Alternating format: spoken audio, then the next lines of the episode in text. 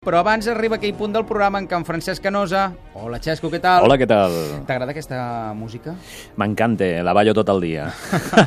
I la sèrie la vas veure? Home, i tant, home, jo soc superfan de John Adams. La van passar a la Tele3. A la Tele3 i a tot arreu, però jo l'havia vist a HBO. Ah, HBO. Clar, és que John. Adams és un personatge interessantíssim que va reivindicar Obama. Va reivindicar home? Sí, i tant. Ah, el, el Oh, president, el president de la... Obama va reivindicar John Adams. Eh, Tots els presidents sempre reivindiquen una figura i va reivindicar John Adams per tota una sèrie de raó. Entre elles, podríem dir-ne socialitzadores de progressió social. Molt bé, doncs mira, escolta, potser podrem dedicar a un tamet a això, no? I tant. Avui és una mina, això.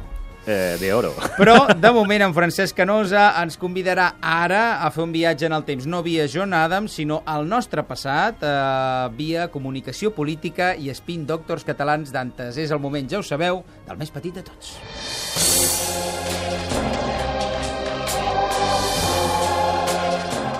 Josep Lluís Carot Rovira, Joana Ortega, Neus Munté i Oriol Junqueras. Sí, des del 2008. Aquests són els vicepresidents dels diferents governs catalans.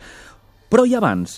Jo ho vam explicar un dia. Hem d'anar molt endarrere, a 1931. Des del 29 de desembre de 1931 fins al 3 d'octubre de 1932, Joan Casanovas, d'Esquerra Republicana de Catalunya, serà el primer precedent de vicepresident.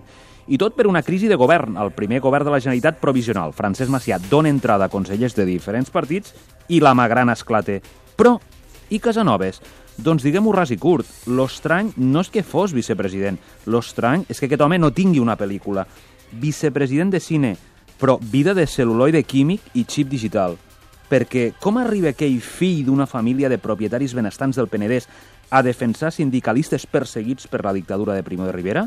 I com el detenen? I com surt de la presó gràcies a un oncle seu amic d'Alfons XIII?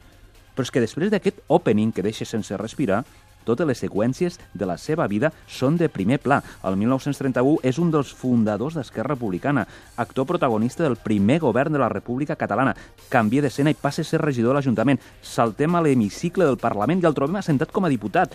Salta més enllà i el veiem al voltant d'una taula com a conseller de Governació. Flashback, ara president del Parlament. Pitgem el botó de pausa històrica. Quan va morir Francesc Macià, ocupa la presidència de la Generalitat interina.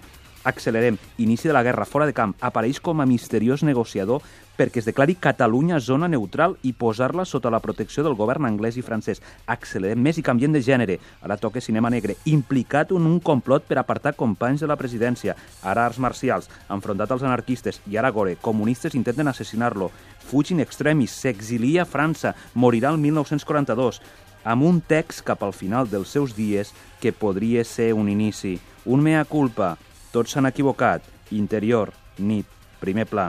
Casanovas diu Catalunya no pot lluitar per altre ideal que el de la seva independència. I comença la pel·lícula. Veus? Una secció de pel·lícula. Dídem. Gràcies, Francesc Canosa. Home, m'ha- m'ha deixat asturat, eh?